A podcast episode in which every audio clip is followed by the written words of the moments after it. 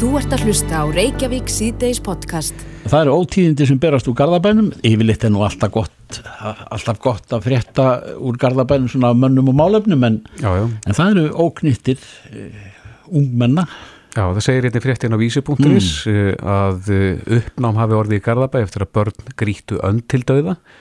Grítu önd. Já, hérna segir í fréttinin á vísi að Hanna Arnóstóttir, dýralæknir á dýraspítalum í Garðabæ, segir að rétt fyrir lokun spítalans í gær hafi verið komið með fuggl sem hafi verið grítu nánast til dauða. En Hanna greindi frá þessu í Facebook-hópi Garðbæinga. Já, Og dýran. hún brýnir fyrir foreldrum að ræða við börn sín og hvetur til þess að umræði verið tekin upp í skólum landsins eftir tíðindi af rekkjum í sveitafélaginu þar sem gerðir séu losaðar af hjólum og uh, hún segir hérna að það sé verið að losa gerðir af hjólum eða í hugað rekkja og slasa og uh, hún segir hér að sterk tenging sé á milli ofbeldiskakvart dýrum og þróun yfir í ofbeldikakvart fólki Já, Óttar Guðmundsson, gerðlæknir, er á línni. Hvað vil þú segja um þetta? Það er að segja þetta, þessi, sem Kristoffer sagði hérna, í lok hérna haft eftir heilbriðis yfirvöldum í, í, í Garðabænum, Þa, það, þarna er tengsl, þarna eru tengsl. Já, já, ég er alveg sammála dýraræðinum hvað það var það sko að þetta eru þetta er náttúrulega sínir, þetta er svona ákveðin andfélagsleg hegðun sem að þessi krakkar sína af sér. Það að eh, pína dýr eða kvelja dýr eða drepa dýr, það er eitthvað sem að hefur lengi verið svona greiningar viðmið í sambandi við andfélagslega hegðun eða andfélagslega personleika hjá börnum einmitt og uh, þetta er líka náttúrulega það að, að vera með svona hættuspil eins og að losa um gerðir á reyðhjólum eða skrúa eitthvað eiga við bremsurnar og þínir þetta er náttúrulega e, þetta er náttúrulega, það er ekki hægt að afsaka þetta bara með einhverjum óvitagangi þetta verður styrir ansi einbeittur sko vilji til þess að meiða og, og slasa einhvern sko. Hvernig er hægt að taka á þessu óttar? Hva, hva, hvernig á að nálgast málið? Það náttúrulega að tala við þess að krakka reyna fyrst og fremst að átta sig á því hverjir eru sem að eru að þessu og síðan þarf að ræða við það og reyna að átta sig á því að þetta er nú sjálfnast allur hópurinn, þetta er einhverjir einn eða tveir forsprakkar sem að ganga fyrir með vondu fordæmi og einhverjir fylgja þeim eftir. En það er svona að bendaði mákvöslans uh, hvað þetta er í raun og veru uh, ómannúðleg framkoma gagvar dýrónum og, og náttúrulega hvað þetta er mikið hvað er hættulegt að, að vera eiga við reyðhjól, bremsur og annað fíl þannig að þetta er fyrst og þess bara þarf að eh, átta sig á því hvaða einstaklingar þetta er um að ræða og tala alvarlega við þá og, og svona bara á kannski við tegum útsotnum en það er svona að segja. Já, þetta er, þetta er sem sagt meira en uh, svona græskuleus rekkur sem að Já, er, er nú algengt með lungmenna. Já, þetta er náttúrulega meira en rekkur sko, ég held að viti allir hvað það þýðir. Allir krakkar eiga hjól sko, það viti allir hvað það þýðir að vera bremsulösu hjóli. Og það viti allir hvað það þýðir ef að, ef að hjóli losnar af, af reyðhjólin á ferð, það viti allir að það er stór hættuleg sko, allir hafa dottið á hjóli þannig að fólk veit alveg ákaflega hvaða afleðingar það getur haft. Já, en aðeins varðandi þetta pína dýrin, maður þekki þetta nú aðalú bíómyndum og kannski einhverjum heimildamyndum að, að margir fjöldamorðingjar í, bandaríkjunum hafa kannski byrjað sinn feril í einhverju svona að, að kvelja dýr. Já, þannig að, að er það þekkt úr þeim fræðum þar að segja að, að það að kvelja dýr leiðir yfirleitt til einhvers annars Ég, sko, það, það er bara talið að það að kvelja dýr að það sé bara ákveðin einkenni ákveðina personuleika gallaða, personuleika þáttar sem eru mjög hættulegir fyrir einstaklingin og við erum náttúrulega mjög, mjög þekkt dæmi og Íslendingasögunum því að Grettir Ásmundsson, hann var þekktur fyrir það sem batn að hann eh, píndi dýr, hann kvaldi hestin sem að fadir hans átti sem að hétt Kengála og hann kvaldi hann og, og eiginlega til það var þess hestur drafst og auk þess eh, kvaldan eh, endur sem hann átt að reka heim og, og því þannig að hann síndi þar alveg ótrúlegan skeppnuskap strax sem barn. Sem, var nú, sem að síndi síðan að, að sem var kannski forbóðu þess að, að Grettir var náttúrulega með andfélagslegan personleika og, og, og var þinn mesti glæpamaður síðar með á æfinni. Já, þú Við notar þurfum ekki að fara langt, við þurfum ekki að fara langt yfir skamt, sko. við þurfum bara að fara í Grettisög. Já, en er þetta leiðir þetta svona hegðun? Nei, það er voðalega erfitt að leiðréttana, það er bara þá að setja þessum krökkum mörg og, og bara eins og maður meðhandlar þá sem eru með andfélagslega personleik. En er það mikilvægt fyrir til dæmis yfirvöld eins og skóla yfirvöld að, að fá að vita hverju þetta eru? Já, það skiptir öllu máli að setja að tala við viðkomandi að þetta er að bara standa skil á því sem þeir eru að gera og byrja ábyrð á gjörðum sínum. Það þarf með öðrum orðum eins og sem að noti þitt uh, orðfæri það þarf að, að kanna og það þarf að tala við alla þá sem að sína skepnuskap. Já, sína skeppnum, skeppnuskap, ég heldur að það sína þetta er að gera það sko. Já, já, já. Skulum vona að þetta fái til hlýðilega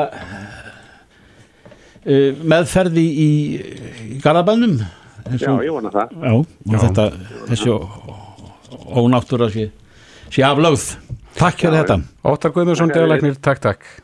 Takk fyrir. Þú ert að hlusta á Reykjavík síðdeis podcast. Samgöngumálin eru æfinlega á dagskrá og, og það var vaksandi þunga minnskust ef litið er til þéttbíli svæða hér á Íslandi.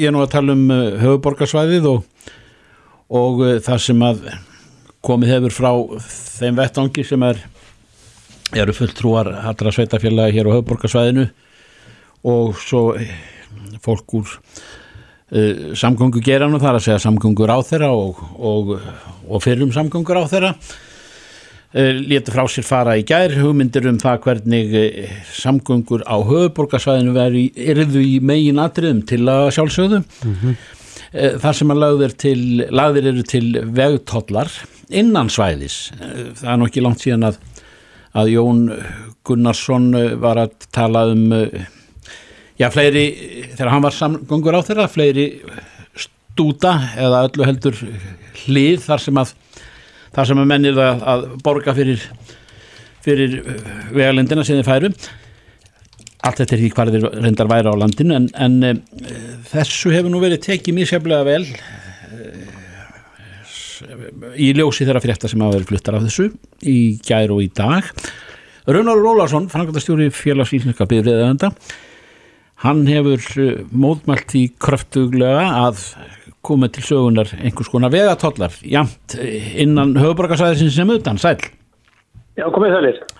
Já, hvað segir um, um þessa tillur? Þetta kemur svolítið á óvart þessi, þessi bara slengt á borðið og með að segja tölur nefndar um kostnað Já, það verður við ekki næst og eh, sem fyrr þá er ekki talað við þá sem kannski eiga að borga. En við höfum aldrei verið til dæmis kallaðar að þessu borði sem að stýra þá félagið með um 18.000 fjölskyldur bíliðanda innanbors. En eins og þetta, er- þetta líkta sem við höfum í höndunum og sem að síðan Jón Gunnarsson staðfist að hefði verið rætt.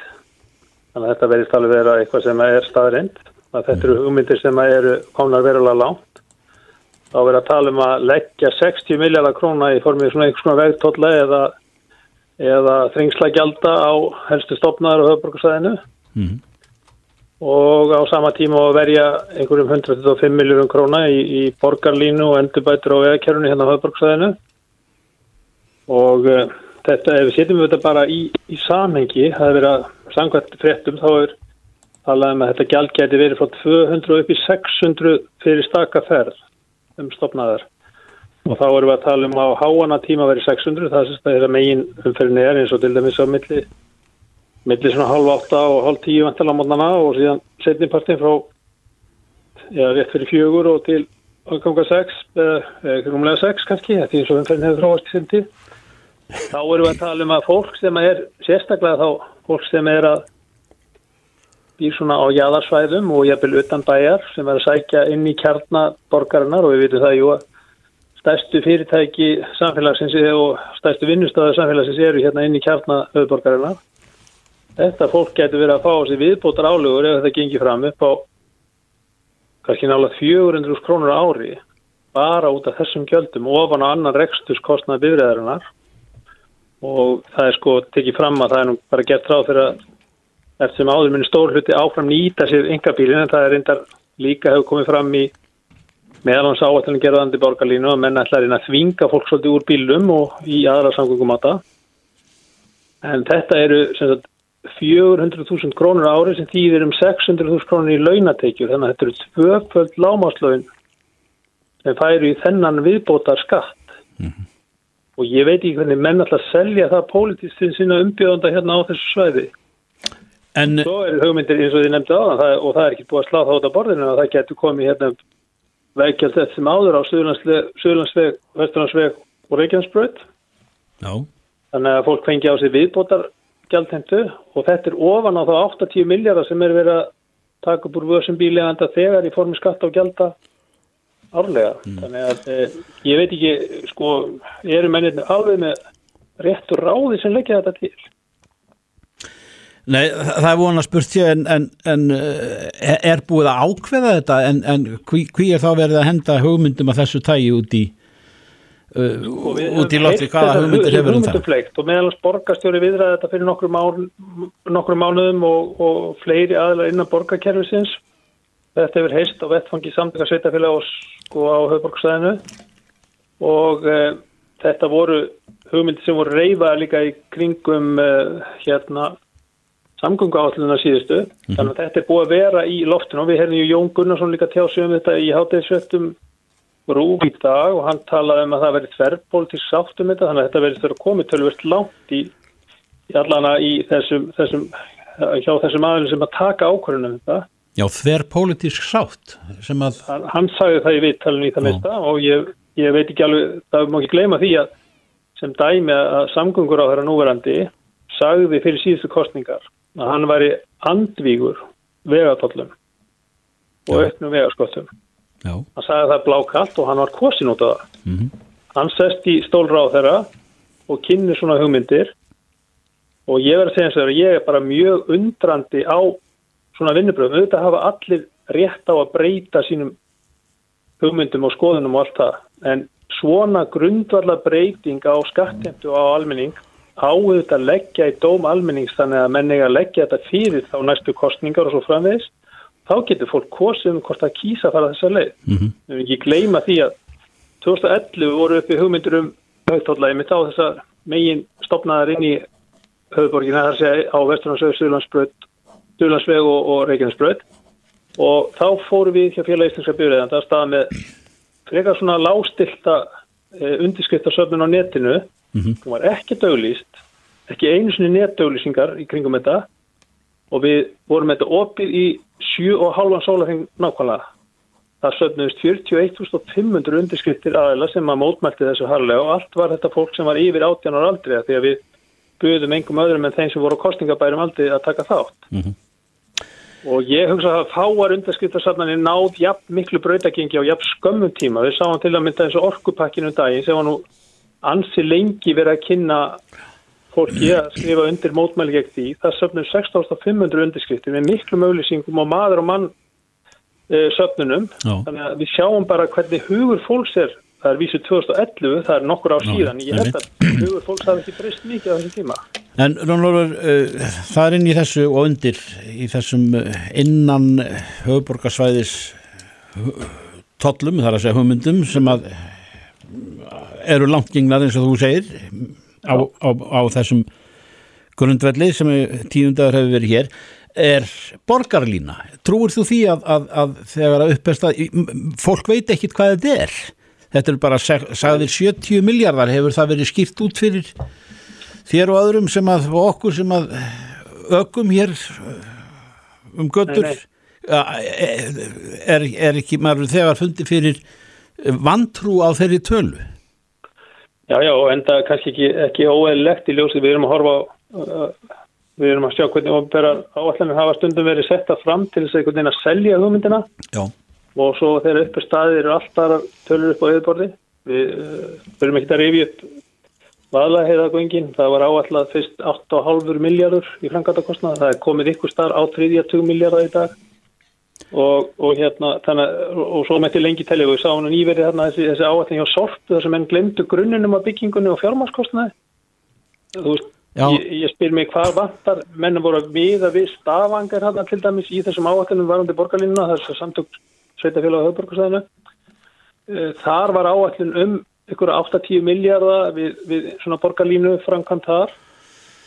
Svo tala er komin upp í, í 180 miljardar ef ég mann rétt um þessar myndir og þeir eru komin tölvöld áleiðist með þá framkvæmt svo að það er spurning sko hver hver er, hver er, hver, hver er hversu mikið getum við gert eitthvað annað fyrir alla þessa fjármunni sem að Já. gæti létt á samgöngum nú þegar. Já, við þurfum að leita til ráðamanna sem að, er nú erfitt að ná í í dag en, en e, þetta eiga líka að vera mál sem eiga að vera e, nokkuð lengi í umræðinu áður en að tekinir ákvörðunum þetta endanlega. Raunar Rólasson, Frankvöldastjóri FIB, kæra þakkir. Takk fyrir mig. Þetta er Reykjavík C-Days podcast. Í gær vorum við með viðtalum uh, reyndir eða reyndir að kálfa Nú, það er ekki á hverjum degin en þetta voru, tilefni voru, voru skrefum afdrif, fleiri hundru reyndýra kálfa. Já, það var hann Úle Já. Bíltveld sem að skrifaði þessa grein og, og hann svona sett í rauninni fyrirsögn greinarina sem hann skrifaði eh, spurningum það hvort að 600 hreindirakálvar dræpust úr hungri og vósbúð árlega á Íslandi. Og það var nú mörgum bröðið, 600 kálvar, það, það lítur að vera eitthvað afdreifaríkt en, en það var náttúrulega rögstutt eða eh, leitt getum að því að það væri vegna þess að, að kýrnar væri drefnar Mhm. og eh, Frá og þeir- kálfum sínum. frá kálfum sínum og, og hérna og síðan ekki söguna meirum uppeldismál hrendýra Nei, við heyrðum í yfirdýralækni í gær eh, Sigurborgu Daðadóttur sem er jáfnfram formaður nefndarum velferð dýra og hún eh, sagði að eh, það lægi á að, að láta rannsaka þetta, þar að segja bera saman afdrif kálfa sem að eh, alast með maðurinn sínum yfir veturinn og síðan þeirra sem að maðurnar eru skotnar undan En uh, á línunni er Jón Hávarður Jónsson, hann er formaður félags reyndýra leiðsögumanna, staðsettur á eigilstöðum, komdu sæl. Sæljón, Já, sæli við við. höfum náttúrulega ekki hundsvit á þessu þess vegna fengur að fá þig til þess að segja okkur af þessum vettvangi Þú þekkir málið aðeins og þessa grein Óli. Jú, jú, ég þekki hana. Já. Er, er eitthvað til í þessu? Eh, Með að reyndir að kálvar uh, falli úr kulda á volsbúð. Já, 600, 600, já, 600 yfir, Já, ég Ári. er nú svo sem, ég eh, treysti mér ekki til að fara út í tölfræðin því að, því að ef maður, ef maður skoður þessar skýslu sem að, sem að til eru þá held ég að þetta sé nú svona alveg hærkantinum en það er ljóst að það drefst eitthvað að kálfur. mm, já, Það af þessum sökum, af þessum Þegar, sökum. sko, Þar aftur á móti erum við kannski í ákveðinu vandræðum því að þau gögg sem ég hef kynnt mér Mhm. þá er ekkert sem bendir til þess að kálvar kálva döiði hafi aukist eftir að uh, eftir að hægt var að fella á með kúnum og ég var nefnd að kynna mig bara núna til þess að, að lesa mig til á reyndi ringdur Mhm. að á sko, kálva veiðum er hægt 2009 og náttúrufræðing, eða dýra, eða sérfræðingar náttúrstof Östurlands uh, voru með á fundi í loki janúar í vettur sem á samantekt og þar kom fram á, á nýjára tíum frá 2001-2009 og svo aftur 2010 til 2018 þá hafði tekið saman tölur um, um hérna, fundin döð dýr og þeim hafi fækkað uh, eftir að kálvaveiði var hægt Já, ræjón sem fundust. Mhm, eh, kannski er þetta ekki vísindarlega niðurstað en þetta er ákveðin niðurstað og, og hérna, það segir manni það að það hefur ekki orðið neitt eh, sko, ráða fellir út af því að, að hægt var að fella kálvarum með kunni Nei. Það kom hver, hver, var, þessum fyrir sam- ekki, Jón, hver, hver var ástæðan fyrir því að það var hægt að fella kálvana með kúnum?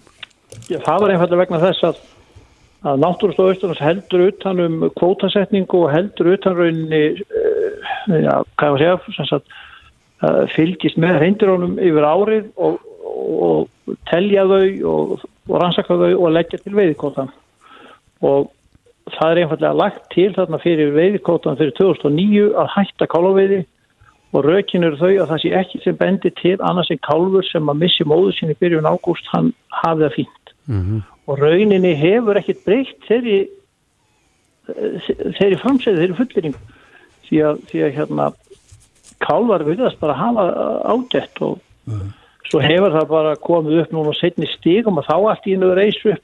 Sérstaklega ágættur tíknefndur Óli Anton. Mhm. skrifar mikið. Já, eh, hann fenn ekki alveg alltaf rétt með. Ég ætla ekki að fara tíund af það hér. Nei. En e, væri, væri úr vegi að, að, að, að, rannsaka þetta bara og, og komast að þeim sanna í Nei, þessu? nei, það, það er náttúrulega best að fá, fá hérna uh, rauninni vísindarlega nýðustöð því að þannig getum við helst unni okkur áfram. það er alltaf vond ef þetta lendur út á svona tilfinningar sem er eins og þetta hefur þetta alltaf lend og, Já, já. og náttúrulega fyrirsögnin er náttúrulega sett upp alltaf tilfinningar þrungin því að, því að hérna, það er alveg ljóst að það lífa ekkit allir kálvar Nei, bara yfir höfuð. þetta er væntalega, nei, jú, og náttúrulega bara það, það er svo sem ekki sem drefst strax af vori. Já, bara ef við kallt voru eða eitthvað gerist að þá geta kálvar drepist og það er náttúrulega bara hlutið sem gerist í náttúrindi og, en það sem að kannski er útgangspunkturinn varðandi þess að kúa sem sagt, uh, hvað ég var að segja kálvar sér ekki feldir með, með móðu sinni að kálfur að vetri hann er svona neðalega í goggunaröðinni ef að þrengir um uh, sem sagt, fæðu eða, eða verður jarðbarni eða eitthvað svoleiðis Já. og þá skiptir engum máli hvort kálfurinn eða það er ekki, ég hef ekki séð neitt sem að, sem að stiður það að það skiptir engum máli hvort að kálfurinn verður móðurus 1. ágúst eða 20. september í lók tímafrins, hann er móðurus að vetri já. og það er kannski þessu. Já. En eh, væri ómögulegt að, að sleppa því að fella kýr sem eru með kálfa? Mm, Sko, já, auðvitað er, það er ekkit sem er ekki hægt en þá að spurning, næsta spurning en hvað svo? Mm Hvernig ætlum við að sjá til að kýtnar eigi ekki kálf Ætt, og, og, og ætlum við að láta rauninni reyndirastofnið þá stjórnlaust stækka? Nú er þú hrein- að eyða törfunum. Já, nú er þú reyndýra leiðsugumadur og þegar að þið farið að leita að bráð uh, er, er óalgengt að þið finnið kýr sem eru kálfalausar? Nei, það er alltaf alltaf að gelda um kúm, sko, það, er- það er alltaf. Já, Og við höfum gert það náttúrulega í, gegnum tíðina til dæmis fyrir, fyrir part veiði tíma, þá erum við náttúrulega, þá erum við að velja geldar kýra eða geta þá. Hvað með tarfan? Eru þeir látt hlutfalli ef við lít- lí- lítum til allar hérðarinnar? Nei, nei, tarfarnir eiga svona, held ég, tölfræðilega ánáð að fæða svipa af, af tarfkálfum og kvíukálfum. Mm. Tarfarnir eru náttúrulega það að gefa nút sér kvóti á tarfana og, og, og annars vegar og svo hins vegar á kýtnar og, og það er raunni, sko, það er þessi stofn, hann er undir stjórn raunni, e, hvað ég að segja, ofnbæra yfirvalda. Þessu stofnstærðinni er stíft samkvæmt ráðleikingum og það er ekki vilji til þess að láta þeim fjölga mikið meira heldur en þeir í dag. Þau eru svona cirka 7000 í, í sumarstofni núna. Það er heldur ekki dálítið að það, það, þau hafi sjálfneitt gott af því að, að þau verði alltaf mörg. Næmi. Já, þó að sé graslendi þá eru þau ekki endilega sækja alfarði sama eins og til dæmis söðfí og, og hross því að þau eru að sækja flettur og ymsan gróður sem er seinvaksin og og ekkert og engum til góða raun að þau verði einhver hundur og þúsund ef við bara gefum okkur það. Einmitt. Já, herðu, setjum punktin hér. Eh, Þetta er áhugavert spjall en, en það er allir sammálu það að þetta þarf að rannsaka, þar að segja um afdrif kálfana. Já, já, við náttúrulega við höfum óskað eftir því að það sé unnið eftir vísindalegu niðurstöðum og sem minnst eftir tilfinningasemi því að já, hún er ekkit endilega hendugar staðar Nei, Jón Hávarður Jónsson, formaði félags reyndirleiði sögumanna. Kæra þakki fyrir þetta. Takk, takk. Takk fyrir, já.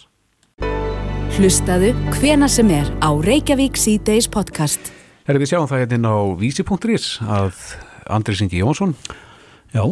eh, þingmaður vinstri græna, hann eh, leggur til og er með frumvarp tilbúið, það sem að gert er ráð fyrir því að fólk geti fengið svo kallan hraðstílnað. Já.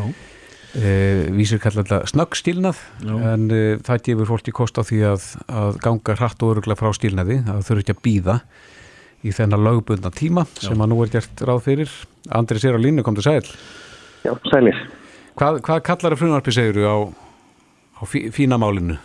Já, það er nú langt nafn á því en, en stjúta útgáðan er að þetta er frumvart til laga um skilnað án undanfara. Já, en undanfarin er, er það er gert ráð fyrir honum í dag það er einhver ákveðin Já. byðtími Já, hann er þannig alveg sama hvort fólk er sátt við að skilja það ekki, þá þarf það að fara í gegnum að minnstakosti sex mánuða tímabil sem heitir að vera skilin að borð og sæng mm uh, og ég er nú ekki með sko stakfræðina alveg á hreinu en, en þetta virkar svona eins og einhver umþóttuna tími svona til að fólk geti kannski að töða hvort að vilji öruglega ganga alla leið og fara í lögskilnað. Já, en er þetta stór, stórt verk að að skilja? Já, já en eh, það er alveg jafn stórt verk að giftast og fólk þarf ekki að, að hérna, býða í sex mánuði eftir að það sækir um hjúskapalegi þannig að það má Einmitt. gera það.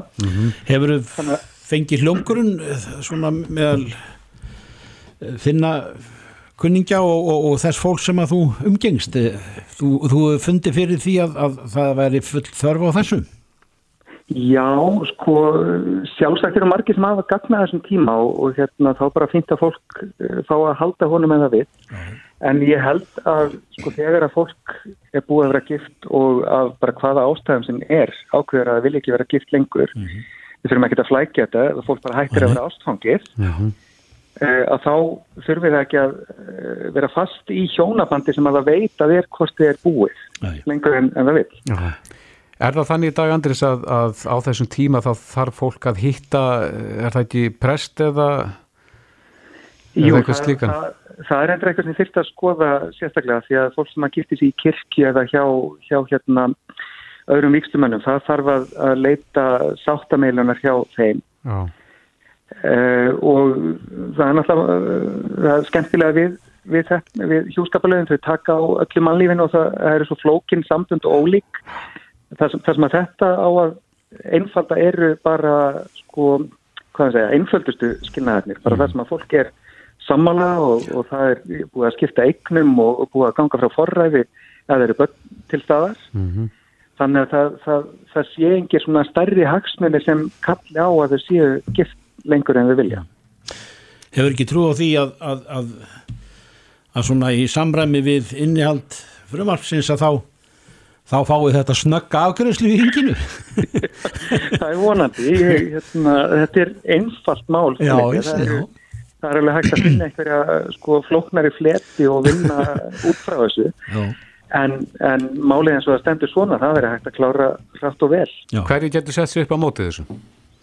Uh, já, það er nú alltaf einhver íhaldsum upp sem að, að maður svona áttast ekki á fyrir en byrtast allt í einu en, en hérna, ég er búin að heyra nú þegar í fólki sem að uh, segir að þetta svo, svo, svona hefðu lögin gert þeirra skilnað betri vegna þess að já, eitt dæmið er til dæmis maður sem að segja það var játa á sig hjúskapabrótt vegna þess að þau vildu losna strax úr hjónabandi og þa þa þannig kemst maður fram hjá borða og sæng í dag og beitt í lögskilna nema hann hafði engin hjúskapabrót frammi, hann bara tók það að sér fyrir hann þeirra tveggja að, að hérna, játa þið á sig til að uh, fá fram í rauninni þar sem að þetta frumvart uh, nær fram án þess að nokkur þurfa að játa neitt annað en að vilja bara skilja. Já, þannig að hjúskapabrót getur og framkalla þá svona snöggan skilnað.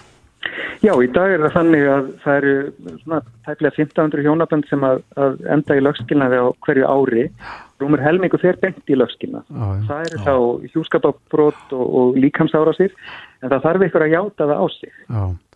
Áttu vona því að kirkjan setjast eitthvað upp á mótið þessu? Já, þegar við tölum um íhaldsamari upp þá geti hún alltaf skotið upp kollinum en, en hérna, nei, veistu, ég held ekki. Ég held að, sko þetta, það, það sem að kirkjan kannski geti fundið að of litru skilnaðarferðli væri að fólk væri að ná, ná inn í lögskilnað áður en það væri búið að nýta allar hnúta. Þetta snýst ekki um það, þetta snýst einmitt um að fólk sem er bara með sitt á, á hreinu og veit að það vil skilja og það skadar engan annar með, því- með því, það er bara að fá að gera það. Já. Já, uh, fylgjast með framkvæmdi þessa máls á þingi, Andri Singi Jónsson, þingmaður. Kæra þakki fyrir þetta. Takk fyrir þetta Andrið Takk, takk. Bless, bless.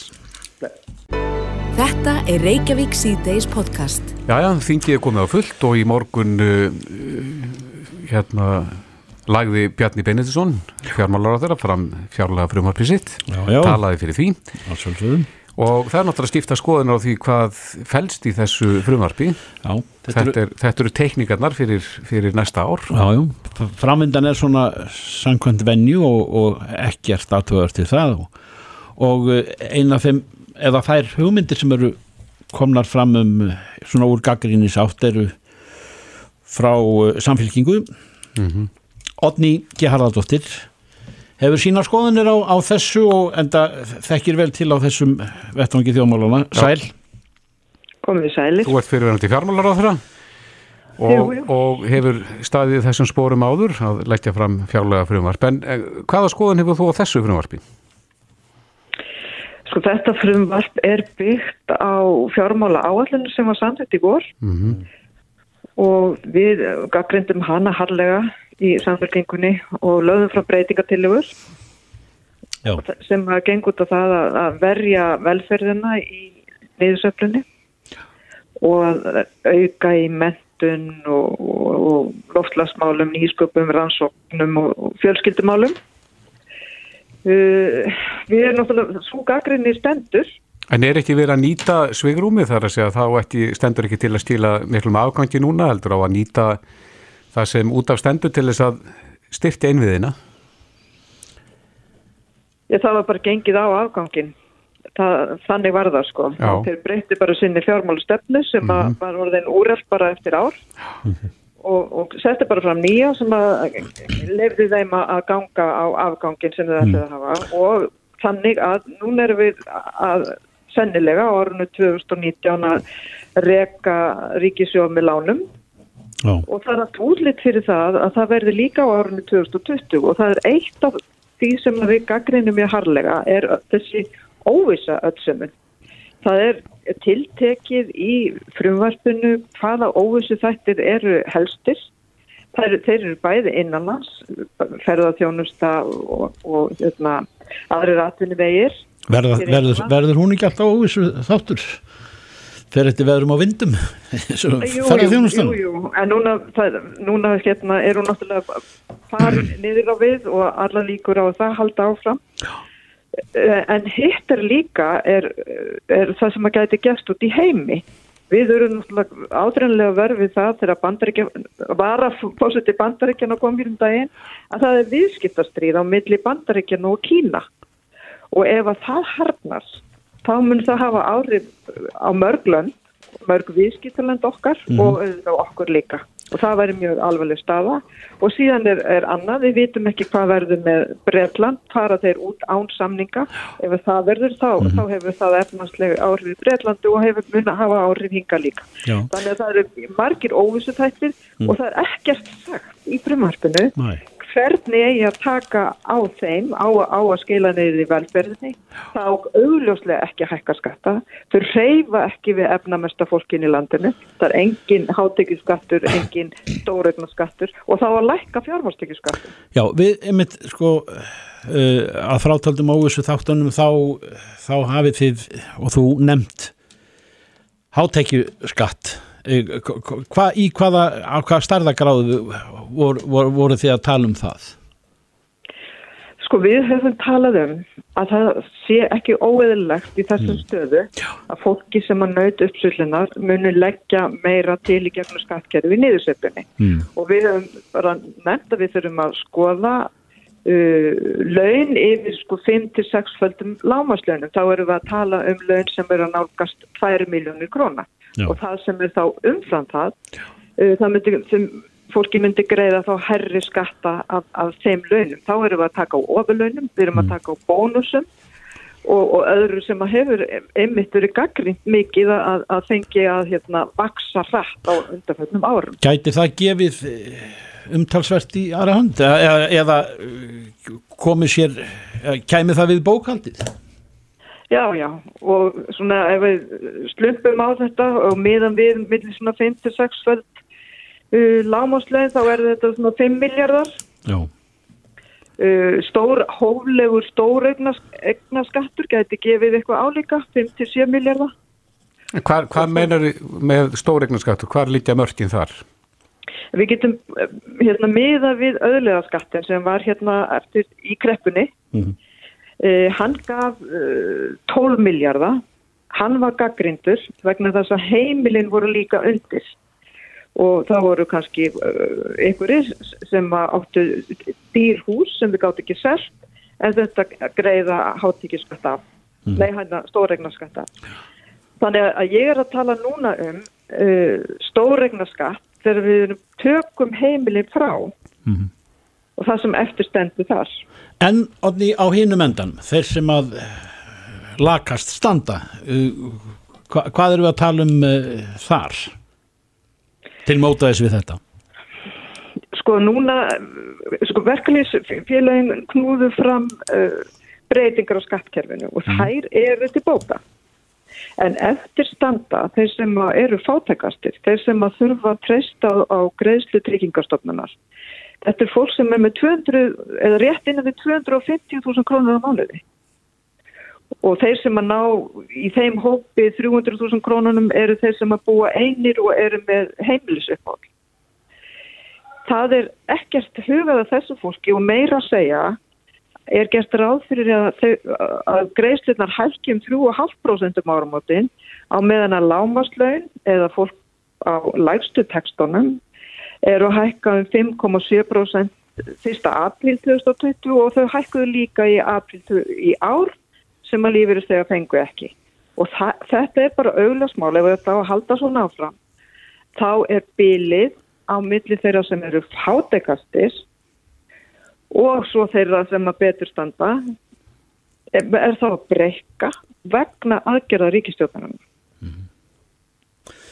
En uh, nú voru nýjástanar uh, eh, ja, kjara samningar sem líka fyrir og, og þar sem að áherslunar hafa nú verið uh, einmitt til þeirra legst settu beint spjótunum þangað og, og en, en samt eru þar atriði sem að líka ekki samlega óbætt hjá gardi.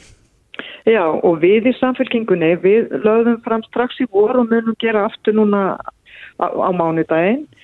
Það sem við leggjum fram frum vartum breytingar á almannatryggingum þannig að lífuristegar fái sömu hækkun og sama tíma og lægstu tekstarnir sem gerður voru í kærasamningunum síðustu. Það er réttleitismál mm -hmm. og 2011 þegar við stóðum nú í, í mikilli efnaðarslæð þá gerðum við þetta, þá voru gerðið kjara samningar og lífuristega fengu hækkanir á sama tíma og launtegar og við viljum að það verði gert núna.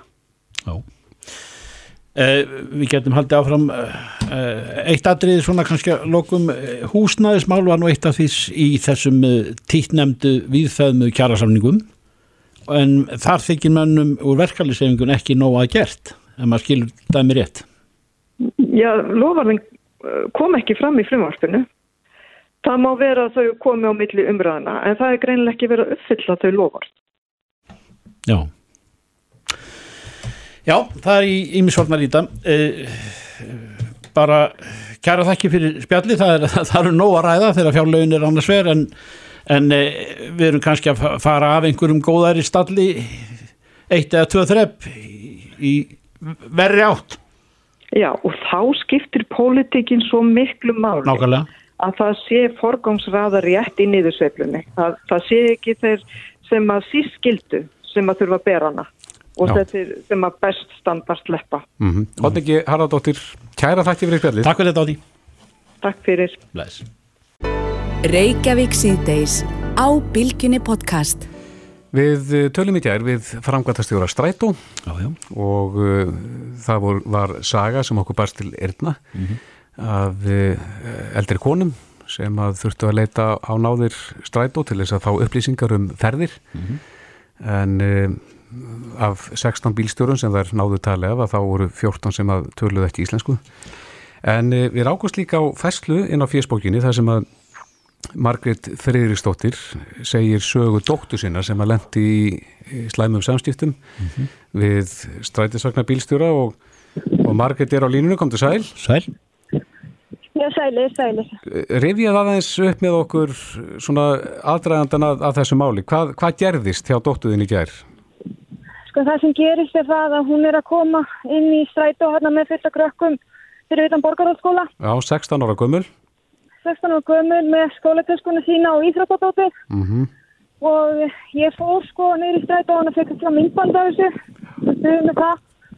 Og, eh, og þá er hún að hún gengur hann inn í vagnin og ykkur er klakkafinn að fóra undan henni og þá er greinlega vesen með appið og hún er reyna að borga og það kemur alltaf eitthvað raukt, raukt og það er svona eins og það náist ekki tenging og hún sýnir honum þetta mm -hmm. og kemur alltaf raukt og, og hérna og hún stendur hérna, hann, hann keiri bara staf og hérna hún er alltaf að reyna að, að borga en, en ekkert gætt sko. Já, með stræt og appinu sínu.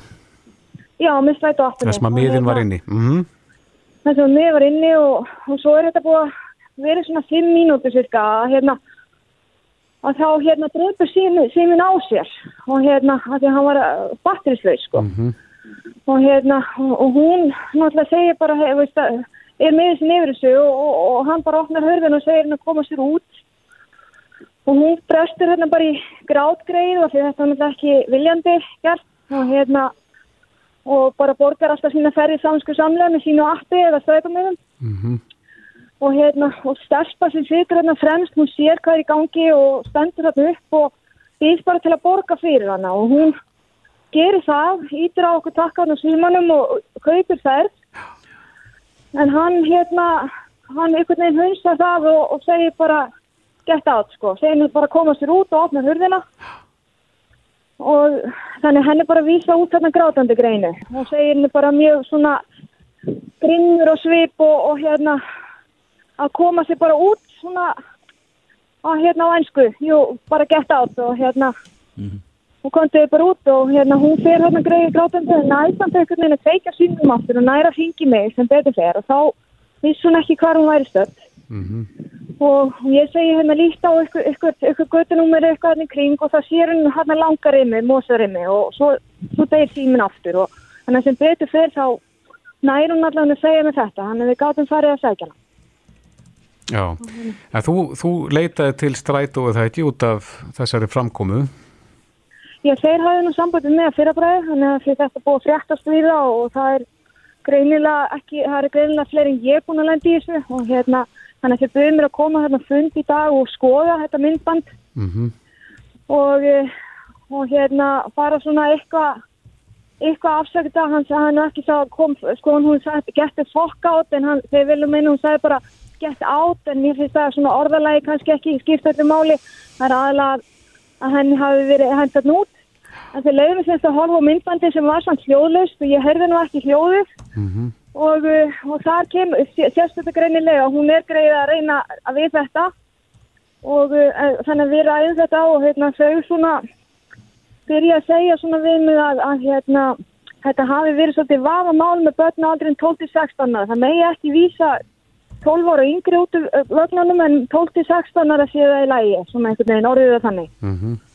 og ef, ef það er ekki hægt að greiða fyrir miðan og, hérna, og ég náttúrulega en þau svona voru náttúrulega sammála því að þetta var náttúrulega svona þetta tilfelli og hann hefði átt að taka til, til þess maður að þetta var auðvitað ekki viljandi gert sko.